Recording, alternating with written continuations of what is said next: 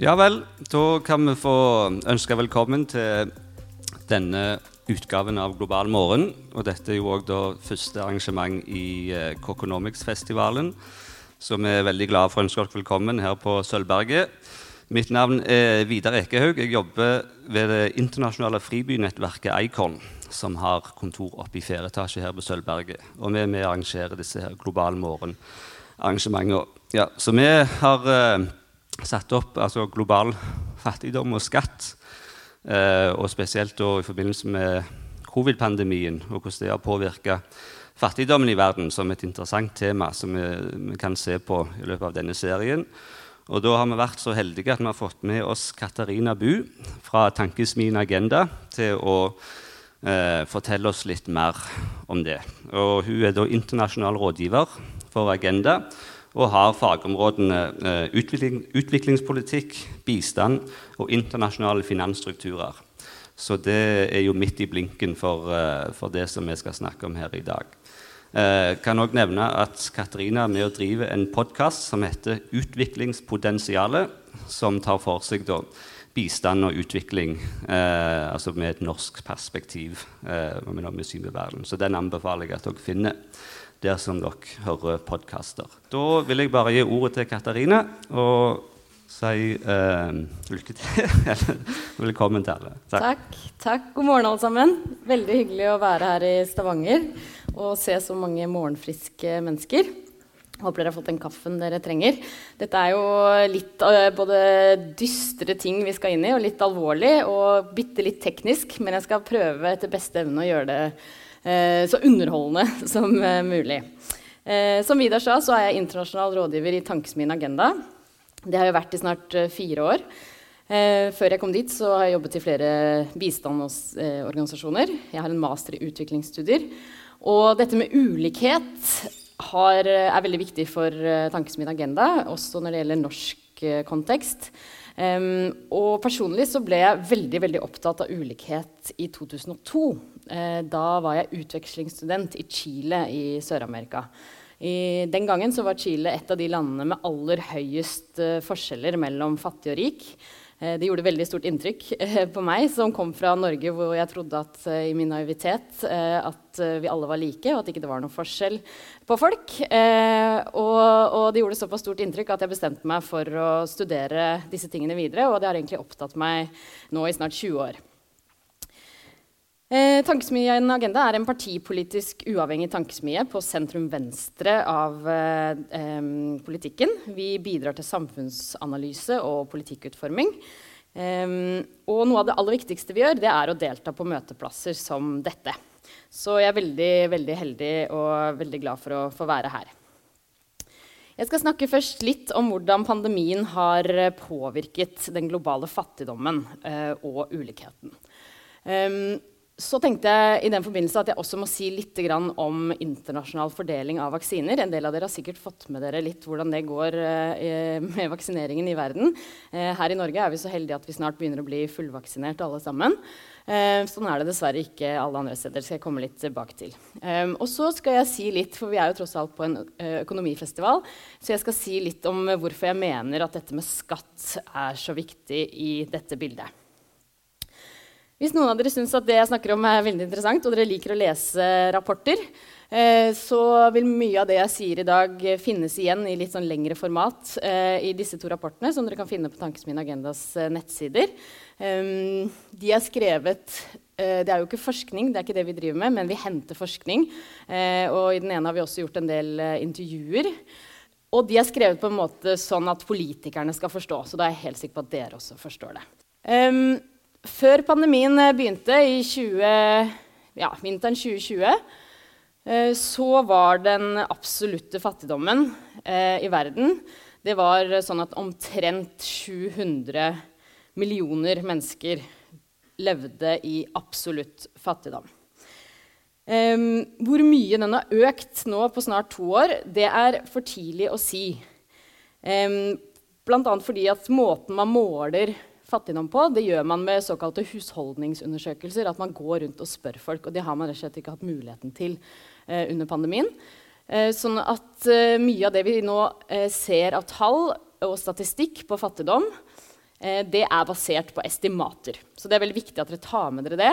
Eh, vi kan ikke si helt sikkert. Men det er gjort en del studier og estimater av store organisasjoner, spesielt da også Verdensbanken, som sier at man venter at den globale ekstreme fattigdommen nå vil øke mellom 80 og 120 millioner flere mennesker. Um, da er vi oppe i rundt 800-850 millioner mennesker i verden som lever for da mindre enn 1,90 dollar dagen. Og det er faktisk første gangen på over 20 år at det tallet øker. Den var synkende fram til 2020, og nå øker den dessverre. Her ser dere en graf som viser det. Ikke heng dere altfor mye opp i de tallene, for det, som sagt, det gjøres litt ulike estimater. Og det er litt sånn uenighet om det var 700 eller 736 eh, eller 750. Men her ser dere, i hvert fall det vi viste dere, er den tydelige grafen hvor det går, har gått nedover de siste årene. Og så ser vi da at den går rett eh, til værs når pandemien begynner. Um, og så er Det sånn at det er mange som mener at dette målet her med 1,90 dollar dagen eh, Nå vet jeg ikke akkurat hva kursen står i, men det er jo sånn ja, 18-20 kroner å leve for eh, per dag. Eh, det er et, eh, ja, et, ganske problematisk måte å måle fattigdom på. Det er det vanlige målet, og det vi ofte refererer til. Det dere hører i mediene, og det dere kan lese om. Men det er eh, et, et problematisk mål, mener mange. For det første fordi at 1,90 dollar dagen er jo et gjennomsnittstall. Eh, sånn at man gjør beregninger på hvor mange som lever for 1,90 dollar dagen i et land. Eh, men det er jo da mange som lever for mye mindre enn det, fordi det er et gjennomsnitt. Og så er det jo sånn at hvis du lever for 2 dollar dagen, da, så er du ikke akkurat rik. Du er jo fortsatt veldig, veldig fattig. Eh, sånn at det vil jo være mange, mange flere eh, som eh, altså Man må liksom ikke henge seg altfor mye opp i det tallet. Det, det skjuler en del, det tallet. Eh, og Derfor har eh, UNDP, som er FNs utviklingsprogram, de har eh, utviklet en litt annen måte å måle fattigdom på. En såkalt bredere, multidimensjonal måte, kaller de det. Og Da ser de på flere områder enn kun det økonomiske. Eh, som f.eks. om du har tilgang til helsehjelp hvis du blir sjuk, om barna dine får gå på skole, og om du spiser nok mat hver dag, f.eks. Og deres studie sier, Det kom en ny studie nå for bare et par uker siden. og Den sier at eh, de har sett på ca. 109 eh, utviklingsland, hvorav 26 er såkalt lavinntektsland, altså av de aller fattigste landene. Og så er det 80 såkalte mellominntektsland og tre høyinntektsland. Og de landene er til sammen eh, hjem for 5,9 milliarder av verdens 7,7 milliarder mennesker. Og de sier at så mange som 1,3 milliarder mennesker er fattige. Altså ganske mange flere enn de 750-800 som hvis vi kun ser på det økonomiske målet. Um, og de sier da at de er flerdimensjonalt fattige. altså De er fattige på én eller flere av disse områdene som handler om helse. Altså De er syke, de har ikke tilgang til helsehjelp, de har ikke utdannelse, de spiser ikke nok. Um, og UNDP peker også på at flere har blitt fattige under pandemien. Og denne grafen er bare for å vise dere. Det står på engelsk, men altså den blå er de som er alvorlig multidimensjonalt fattige. Uh, her er det da rekken av land. Niger som dere ser, er det aller, aller fattigste. Som Mosambik, Benin. Uh, de aller fleste ligger her i sørlig Afrika. Eh, og så er det det lilla, som representerer da, eh, de som er eh, Eller også er rammet av en eller flere av disse multidimensjonale faktorene. Og så er det de prikkene i midten. Den viser da det økonomiske målet. Og da ser dere at de grafene av farger er nesten høyere på alle enn det økonomiske. Så det er egentlig bare for å vise dere at Hvis vi kun ser på økonomi og penger og hva man lever for, så gir ikke det et riktig nok bilde. Det vil være mange flere som vil kategorisere, og også ofte seg selv, som ved at de er fattige. Hvis ikke du spiser og er mett hver dag, men likevel har to dollar dagen, så du, eh, vil du sannsynligvis kategorisere deg selv som fattig. Og hvem er disse fattige folka? Vel, UNDP sier at omtrent halvparten, 644 millioner, det er barn eh, under 18 år. Og nesten 85% av alle sammen de bor enten i Afrika sør for Sahara eller i Sør-Asia. Og mer enn 67% ganske høy andel, de bor ikke i de aller fattigste landene. De bor i mellominntektsland. Altså, det er land som egentlig har hatt økonomisk vekst det siste tiåret, um, men som ikke fordeler den veksten nødvendigvis jevnt.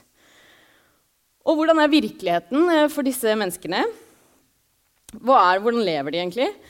Én eh, milliard mennesker, eh, altså én av sju av verdens befolkning, de er utsatt for farlige giftstoffer når de lager mat. Én milliard mennesker de har ikke tilgang på et ordentlig toalett. Det er jo ikke noe ålreit. Og én milliard mennesker har ikke et ordentlig hus eller hjem å bo i. Og 788 millioner mennesker de bor i en husholdning hvor minst ett av familiemedlemmene er underernært. Og 568 millioner mennesker mangler rent drikkevann innen en radius på 30 minutter. Eh, så sånn er det å være fattig. Eh, det, er ikke, det, er ikke, noe særlig ålreit. Og så er det som jeg sier, at det er noen mennesker, noen grupper, det ser vi nå på den forskningen som begynner å komme, eh, som har blitt ekstra hardt rammet av pandemien når den traff.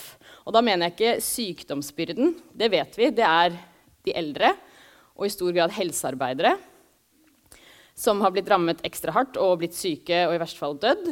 Um, nå skal det sies at I en del lavinntektsland og utviklingsland så er det også mange flere yngre som har dødd av eh, korona.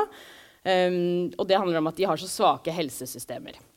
Men ser vi på de indirekte effektene av eh, pandemien, altså de sosiale og økonomiske effektene, så er det spesielt disse gruppene som har eh, blitt ramma. Det er uformell sektor.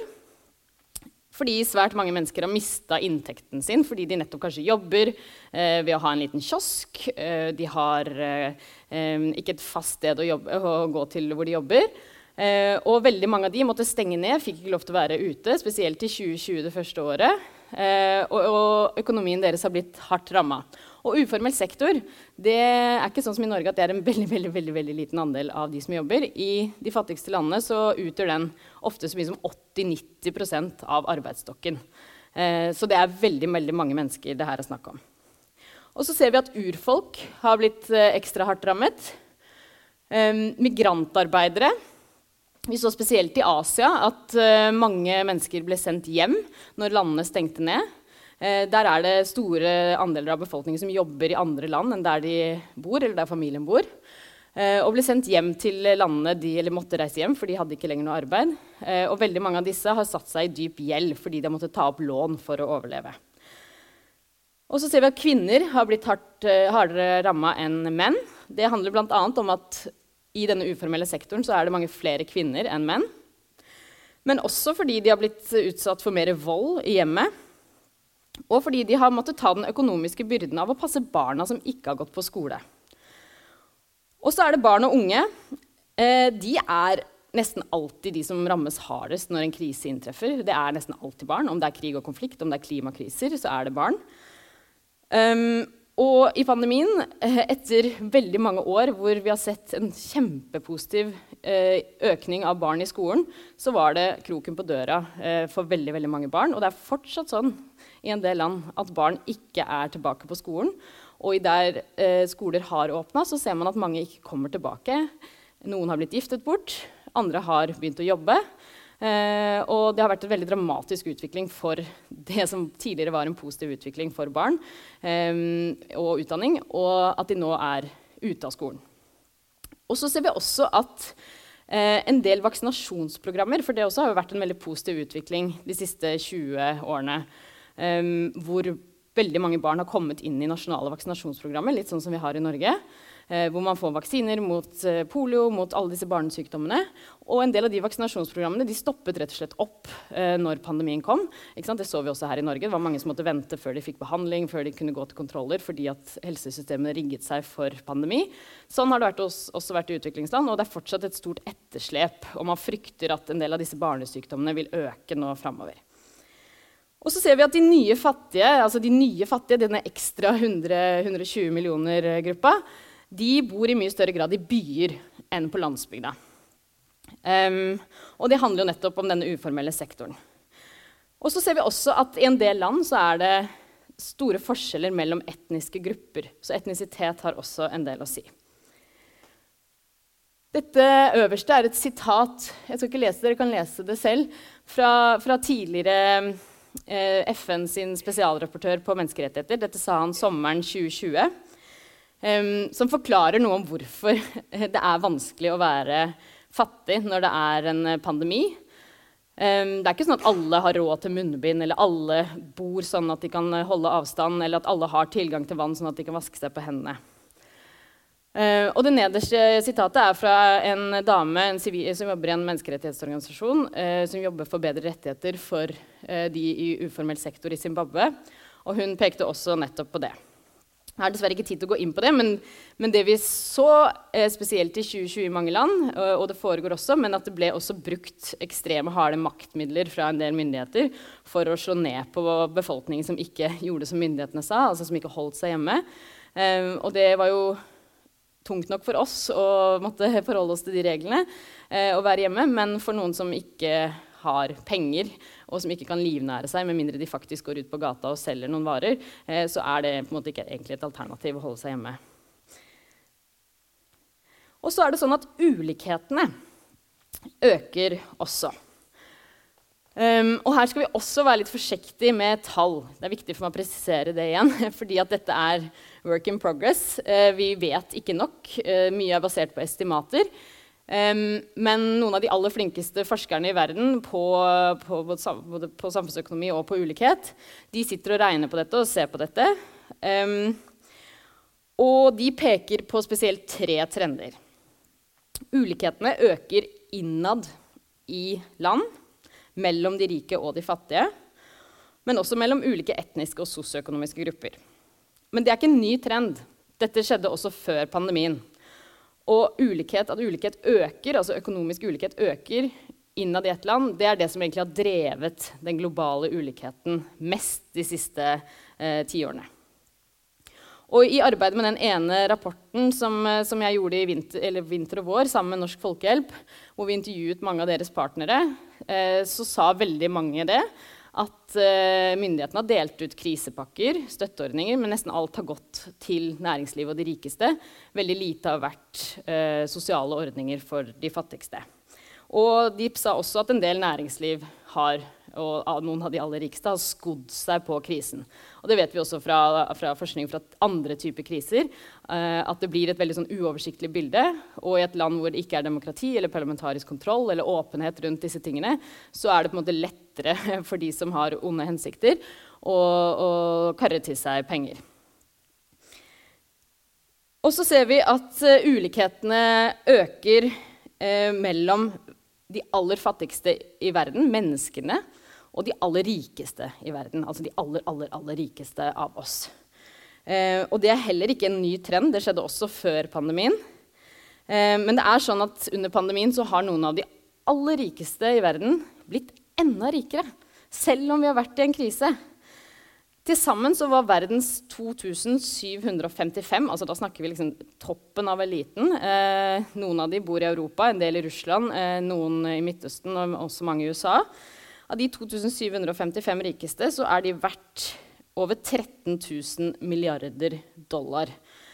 Og det er 5000 milliarder mer enn de var før pandemien.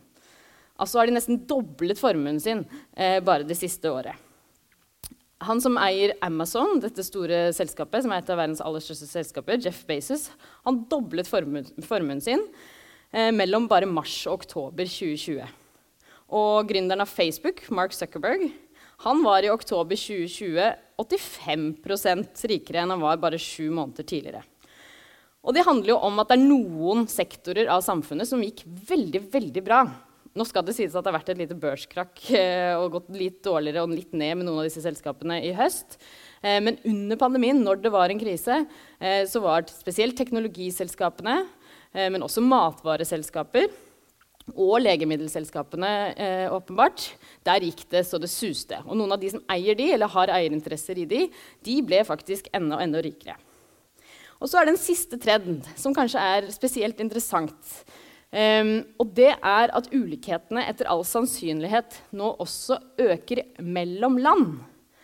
Um, og det er interessant i et historisk perspektiv, fordi for det første så er det den ulikheten som har gått ned de siste årene. Altså, da snakker vi om mellom Norge og Malawi, eksempel, eller mellom Sverige og, og eh, Libanon. Um, og den har vært synkende faktisk så mye som 34% fra 1990 til 2017.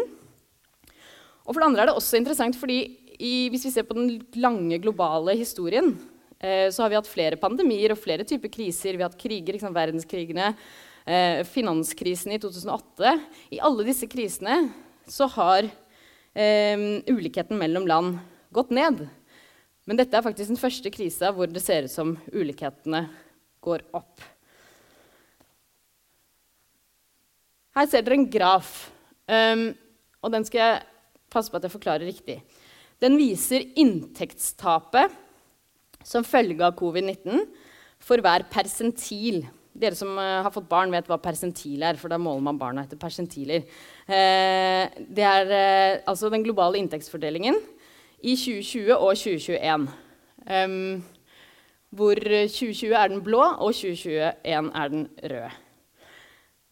På den horisontale aksen så er da enkeltpersoner i hele verden rangert i 100 persentiler.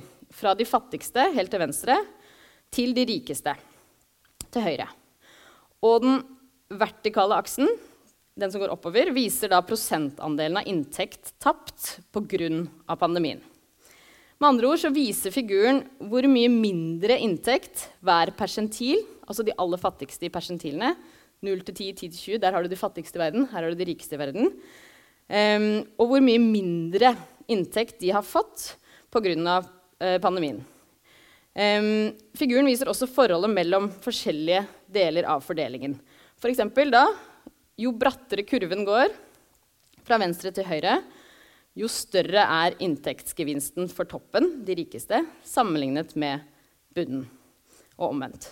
Og da ser vi også at i 2020 så mistet de rikeste to desilene, altså her de aller rikeste her oppe, de mistet eh, For da snakker vi ikke om de 2755 bare. Her er det veldig mange flere mennesker. de mista gjennomsnittlig 5% av inntekten sin.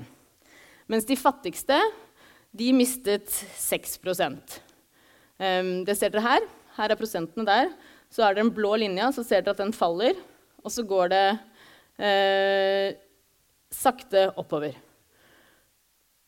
Mens i 2021 så blir den kurven enda brattere, den røde. Og det tyder på at da forskjellen i virkning av covid-19 den øker over tid.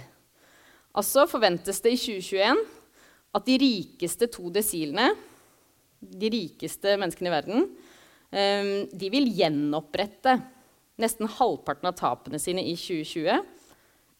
Mens de fattigste de forventes å minste, miste unnskyld, ytterligere 5% Sånn at de aller fattigste de fortsetter å tape inntekt. Eh, selv om pandemien på en måte er over i vår del av verden. Og det viser nettopp eh, den, rike, nei, den bratte kurven. At den røde går oppover. Det viser at vi er på vei ut av pandemien. Mens her nede så er det fortsatt et høyt inntektstap for de aller fattigste. Og hovedgrunnen til at det er sånn,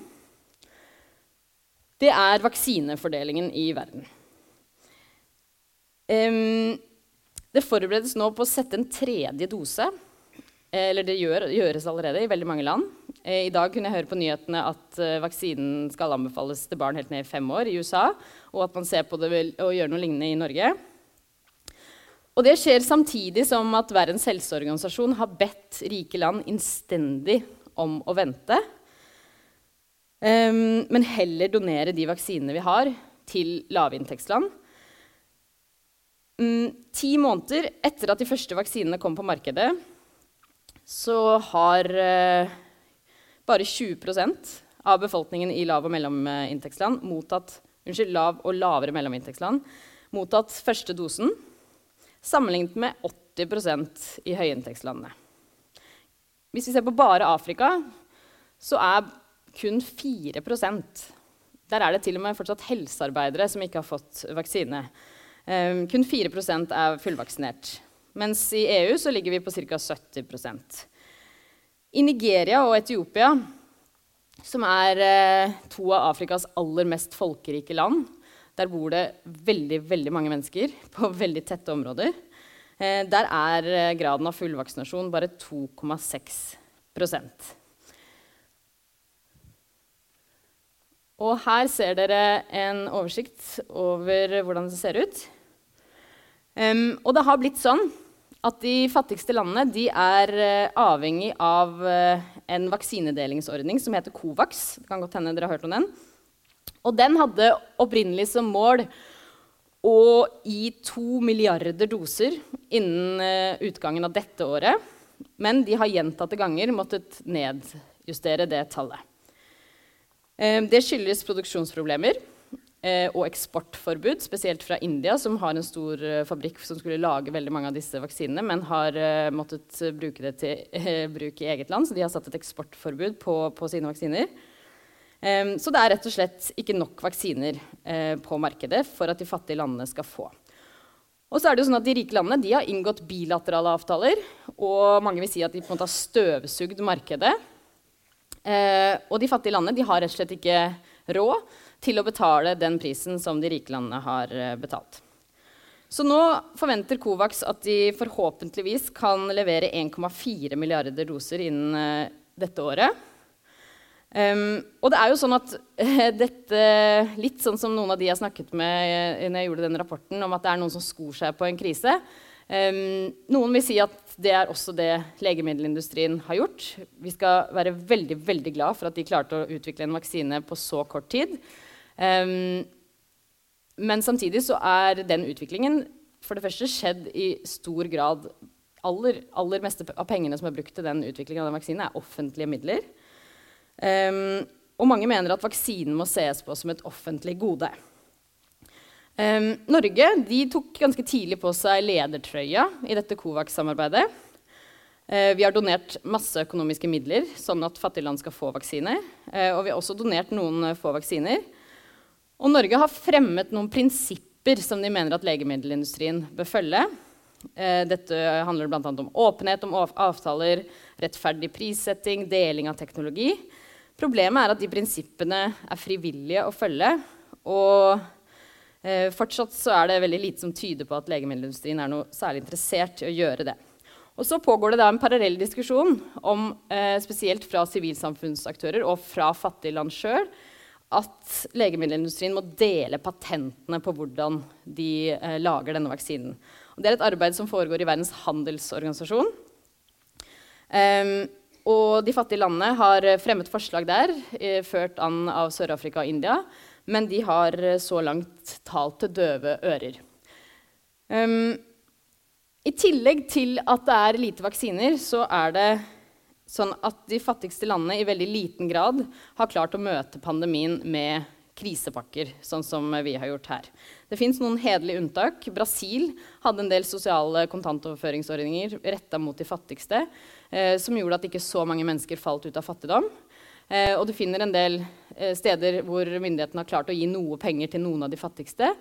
Um, litt sånn som vi har hatt, uh, ikke sant? Eh, De som har mista jobben i Norge, har fått uh, statlige overføringer, har fått uh, støtteordninger.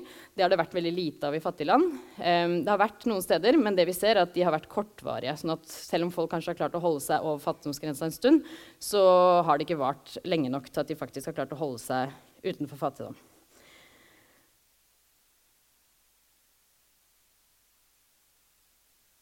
Og det har eh, altså da ført til at vi har et større og økende skille mellom ulike regioner i verden.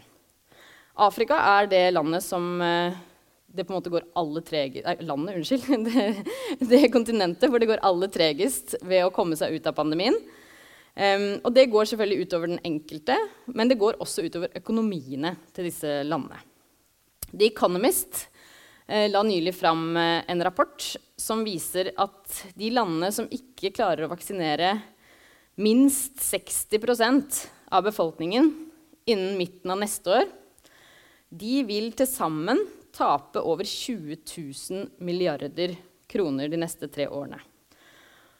Og det er de fattigste landene da som ikke klarer å vaksinere, som også vil økonomisk eh, bli ramma hardest. Vi ser det spesielt på lav- og mellominntektsland, som nå under pandemien har fått høyere og høyere, høyere gjeldsbyrder. Altså de er nødt til å ta opp lån fra IMF, men også fra private banker, for å i det hele tatt ha, holde økonomien i gang. Ifølge FN så er så mange som 82 av 120 lav- og mellominntektsland nå i dag svært sårbare for en gjeldskrise. Um, en del av dere husker kanskje slett gjelda-bevegelsen på, på, rundt 2000-tallet, før og etter 2000-tallet. Um, det er litt en lignende situasjon vi står i nå, kanskje enda verre. Utfordringen er at det nå er et mye mer fragmentert bilde. Uh, det er mange flere utlånere. Um, og disse landene er nå, har rett og slett ikke en bærekraftig gjeldssituasjon. Og veldig mange av de er mellominntektsland, sånn at de er ikke heller omfattet av eh, IMF sine gjeldsordninger. Eh, For IMF har igangsatt noen ordninger nå under pandemien, bl.a. at de har eh, gjort sånn at man kan vente med å betale gjelden sin. Um, men veldig mange land får ikke den type ordninger fra IMF. Og hva betyr det i praksis? Det betyr jo at eh, finansministrene i disse landene er nødt til å ta veldig upopulære avgjørelser. Eh, statsbudsjettet i Norge kom jo nå for et par uker siden. Det var ingen der som sa at vi skulle kutte utdanningsbudsjettet med 20% eller eh, helsebudsjettet med 40 eh, Da tror jeg vi alle hadde blitt veldig, veldig, veldig sinte. Eh, men det er faktisk eh, status i en del utviklingsland. de kan rett og slett ikke bruke nok penger på helse, utdanning, infrastruktur osv. Og det bringer meg over til eh, det siste temaet for min presentasjon. Vi er nødt til å snakke mer om skatt. Og ikke minst ulovlig kapitalflukt. At skatteinntekter er viktig for å finansiere velferd, det er jo ikke overraskende for oss som bor i Norge. Vi vet at helse og utdanning, veier, kultur, eh, kinosalen dere sitter i, eh, det finansieres i stor grad eh, over skatteseddelen. da pandemien traff, så kollapset som sagt økonomiene til mange av disse landene. Og også veldig my mye av skatteinntektene. Altså de fikk ikke nok skatteinntekter inn. Um, og så er det jo, og det var jo fakta før pandemien også, at veldig mange land, ikke bare de fattigste, det gjelder de aller fleste land i verden, de tappes for kapital ved at selskaper eller rike mennesker flytter verdiene ut av landet og til skatteparadis. Hva er et skatteparadis? Det er jo ofte det bildet øverst der vi liker å tenke på, eller vi ser for oss eh, når vi tenker, hører om et skatteparadis. Men det er ikke bare stillehavsøyer. Um, det skal sies at terminologien skatteparadis det er veldig omdiskutert. Eh, hva som ligger i det begrepet. Og det finnes egentlig ikke noen klar definisjon. Eh, og jeg har vært på veldig mange møter og seminarer de siste årene hvor man liksom stopper opp der. Man skal snakke om problemet, men så henger man seg opp i definisjoner. Eh, hva er det egentlig? Men det man kan si at det er, det er at det er et land eller et geografisk område, eh, da med selvråderett, som eh, tilbyr utlendinger eh, eller utenlandske bedrifter eid av utlendinger veldig, veldig lave skatter, eller til og med nullskattevilkår. Eller og, og eller de tilbyr et lovverk som gjør det veldig vanskelig å få innsyn fra andre. Altså er det liksom to ting som preger et skatteparadis. Det er hemmelighold, og det er lavere skatter. Og et annet trekk at, eh, ved det hemmeligholdet da, det er at aksjonærer kan bruke såkalte stråmenn som eiere av de aksjene de har. Altså Hvis du eier en aksje, så kan du kanskje få en annen til å stå som måte eier av den, selv om det er du som får profitten, sånn at ikke ditt navn kommer opp eh, i noe som helst selskapsregister. Og sånn er det veldig, veldig mange mennesker som, eh, som eh, oppnår anonymitet. Det finnes egentlig ingen offisiell liste over hvilke land i verden som er skatteparadis. Men Det internasjonale pengefondet, IMF, OECD, sivilsamfunnsorganisasjonen Tax Justice Network de har laget hver sine sånne lister. Eh, de er ikke helt sammenfallende. Eh, det viser både at man bruker ulik definisjon eller terminologi på hva som inngår i et skatteparadis, men det er åpenbart også knytta til egen interesse. På EUs liste for eksempel, så står det ingen EU-land. Selv om Tax Justice Network, som bruker en annen eh, definisjon, de mener at City of London, som er bildet her, eh, det er helt klart et skatteparadis. Um, Tax Justice Network peker på de landene som på en måte er de verste, altså der mest penger er plassert.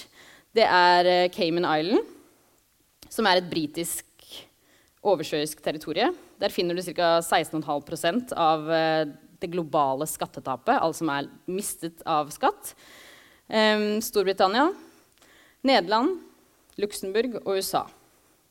Uh, det er altså alle rike, velstående land. Uh, det betyr også at det kanskje er de landene som har mest å tape på at man gjør noe med dette problemet. Og hemmeligholdet i skatteparadis uh, det gjør det umulig å vite helt sikkert hvor mye som faktisk er skjult der. Altså Per definisjon så er det jo skjult, og det gjør det veldig vanskelig for eh, vanlige folk eller for uh, politikere eller for journalister å faktisk finne ut av hvor mye penger det er der. Um, når det er sagt, så har det de siste årene kommet mer og bedre forskning. Eh, og det er også kommet et krav veldig nylig om at internasjonale selskaper over en viss størrelse de må rapportere på hvor de eh, plasserer pengene. Um, sånn at man kommer stadig vekk nærmere og nærmere en sannhet. Og hvordan flytter man så disse pengene da, hvis du har en uh, bedrift eller et selskap i et uh, land og du ønsker å flytte det ut av det landet? Um, da kan man jo eh, benytte seg av det som er mest vanlig, såkalt overskuddsflytting. Og det gjøres da internt i et multinasjonalt selskap. Vi snakker her internasjonale selskaper, ikke nasjonale selskaper. Eh, men har du et internasjonalt selskap, så er det ganske stor sannsynlighet for at du har et hovedkontor et sted, og så har du datterselskap, eller mange flere datterselskap eh, plassert andre steder. Og ved å utføre såkalt interntransaksjoner eh, Det kan være å manipulere prisene på en vare. Så kan man eller føre opp at noe er gjeld, som egentlig ikke er gjeld, men det ser ut som gjeld i regnskapet.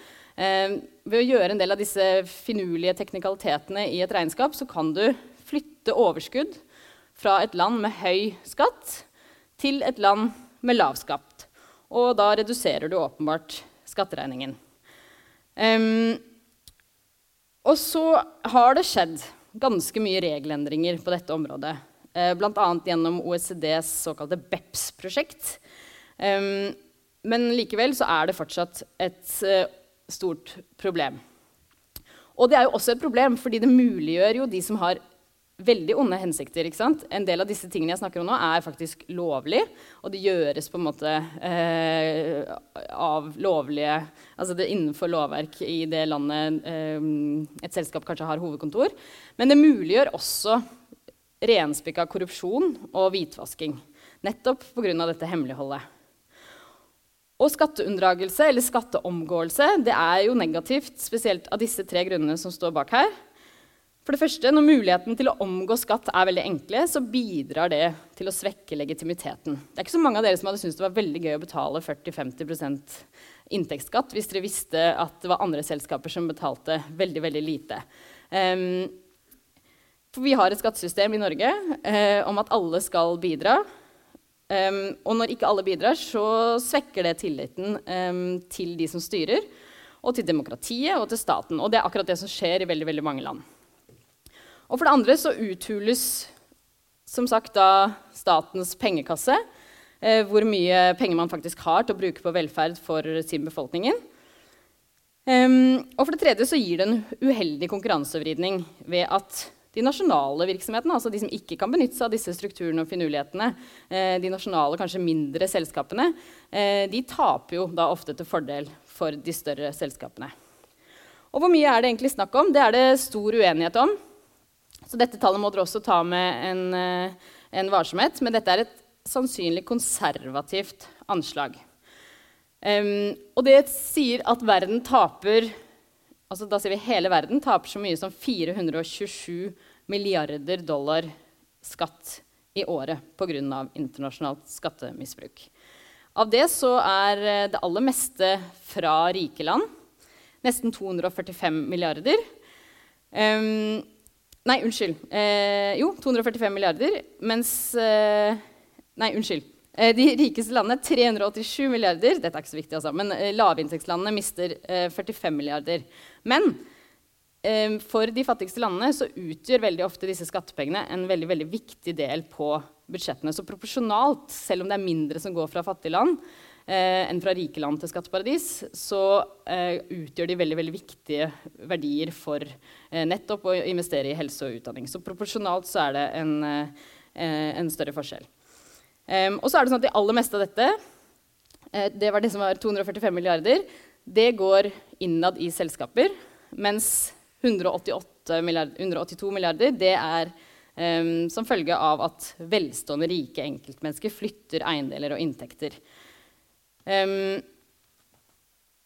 og for å sette det i perspektiv så er det totale skattetapet Det tilsvarer 34 millioner lønninger til helsearbeidere i året. Dvs. Si én sånn årslønn i sekundet.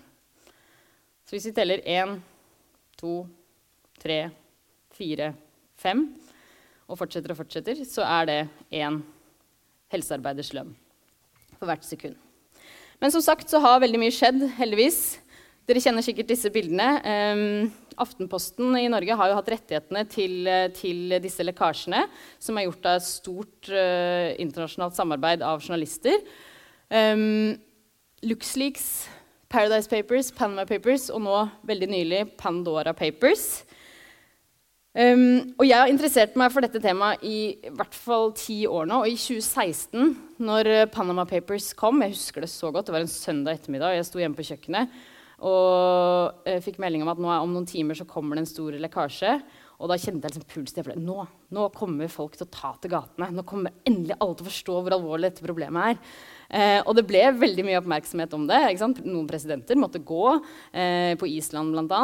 Eh, her hjemme i Norge har eh, også eh, en del eh, mennesker måttet flytte formuene sine hjem. DNB ble stilt til veggs osv.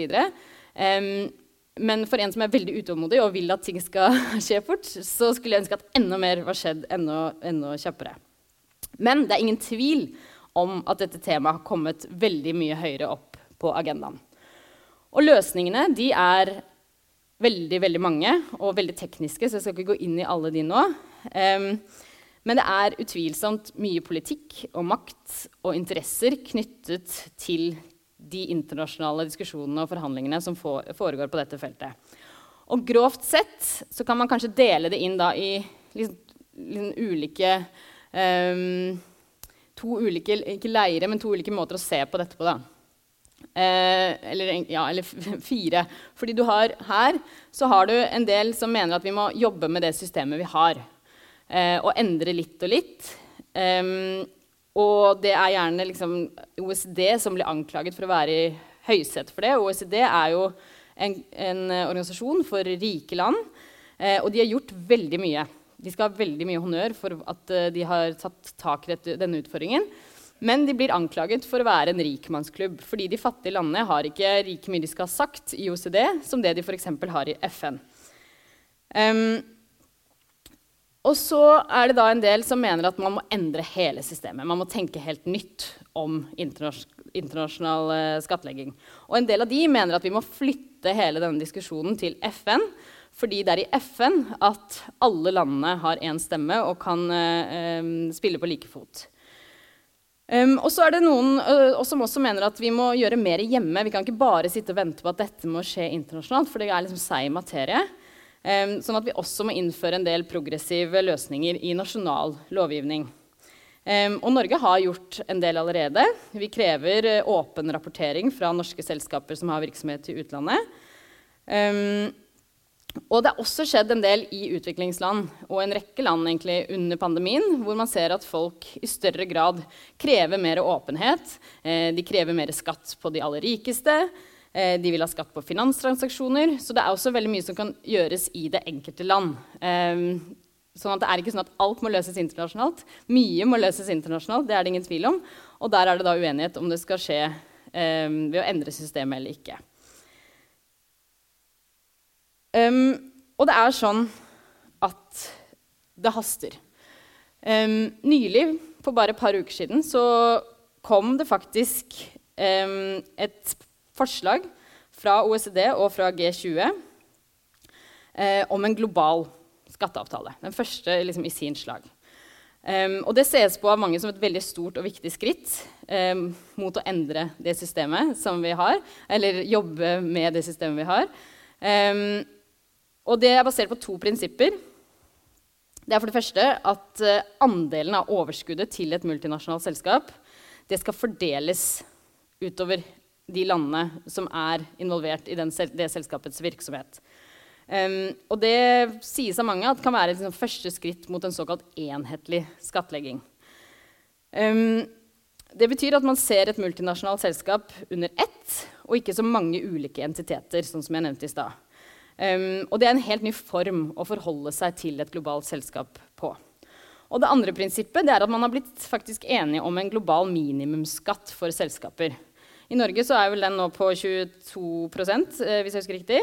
Um, men ser man sånn over hele verden, så har den gått sakte, sakte, sakte, sakte, sakte nedover i nesten alle land. Uh, og um, man er jo da redd for at den skal bare fortsette å synke helt. Og så har man da i OECD nå og G20 blitt enige om 15% Det er veldig lite, vil mange si, for det er jo betydelig mindre enn hva vi har i Norge i dag. Eh, men mange mener likevel at det er veld veldig bra at man har satt en grense for at den ikke kan synke enda mer. Um, men noen kritiserer dette forslaget, bl.a.